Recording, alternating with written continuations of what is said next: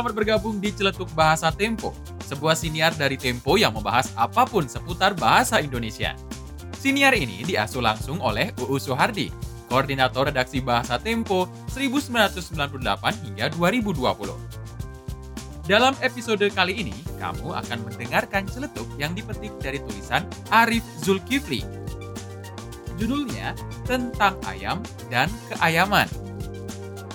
Tulisan tersebut terbit di majalah Tempo edisi 1 Oktober 2006.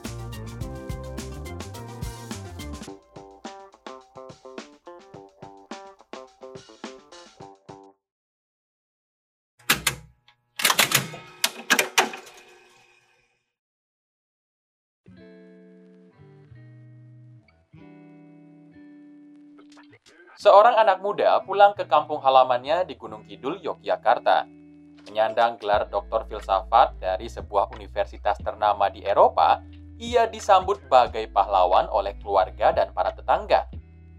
Bapak ibunya bangga luar biasa. Adik-adik menganga melihat Kang Mas mereka sudah jadi orang.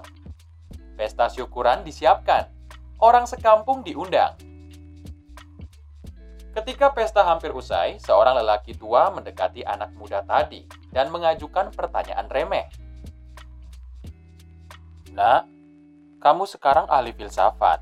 Sebenarnya filsafat itu apa?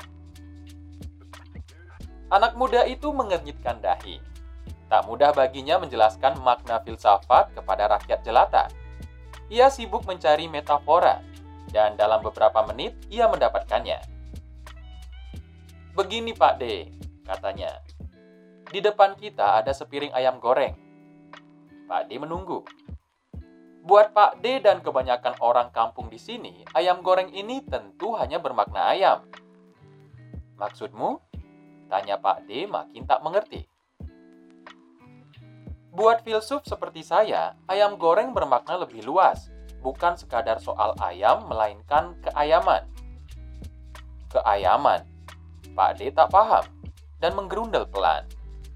Ia berkata, Aku mau makan ayam, Monggo, sampean makan keayaman saja. Ini tentu bukan kisah nyata. Seorang teman menceritakannya kepada saya dengan maksud menyindir orang yang suka berbahasa sulit. Di mata Kang Filsuf tadi, di dunia ini tak ada yang sederhana. Semua harus ruwet dan disampaikan dengan canggih. Dakik-dakik bahasa Jawanya. Berbahasa ruwet disebabkan oleh dua kemungkinan.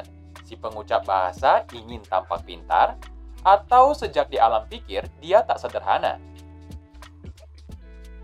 Dalam sebuah rapat evaluasi di redaksi Tempo, ada teman yang memberikan contoh bagus tentang beda antara orang yang berbahasa sederhana dan yang ruwet.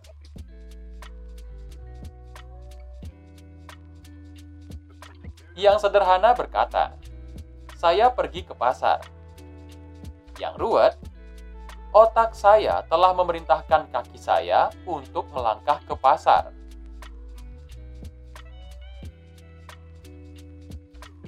Berbahasa ruwet berbeda dengan berbahasa kompleks. Berbahasa kompleks mengacu pada konsep yang tak sederhana, dibahasakan dengan cara tertentu hingga ketidaksederhanaan konsep itu tersampaikan jelas kepada lawan bicara. Sedangkan berbahasa ruwet dasarnya tak melulu konsep yang kompleks. Tapi ya jadi ruwet karena persoalan dakik-dakik tadi. Cerita berikut ini mungkin bisa menjadi contoh bahasa ruwet. Seorang sarjana yang menyandang dua gelar master menulis artikel untuk sebuah buku. Saya kutipkan sepenggal saja.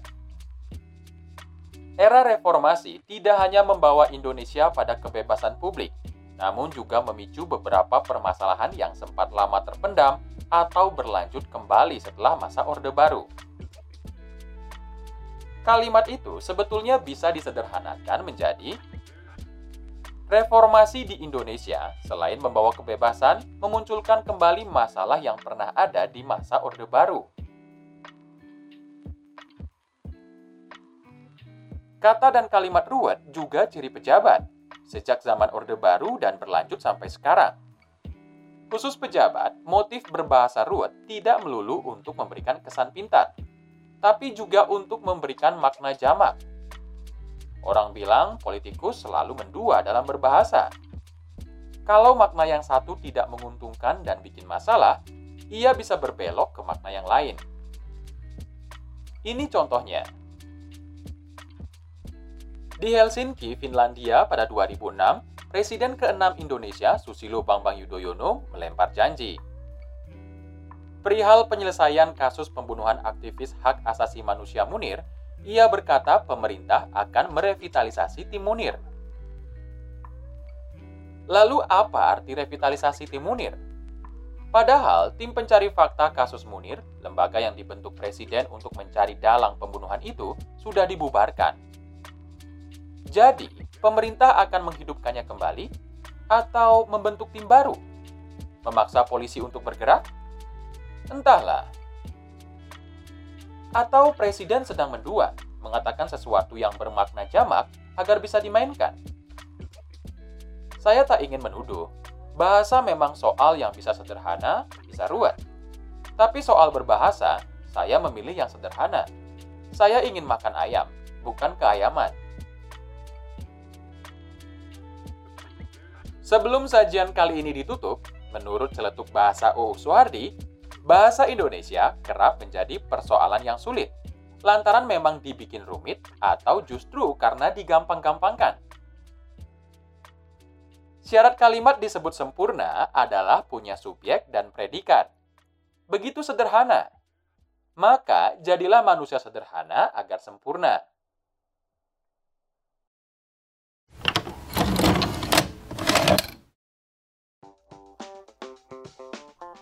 Terima kasih sudah mendengarkan siniar celetuk bahasa Tempo bersama UU Suhardi.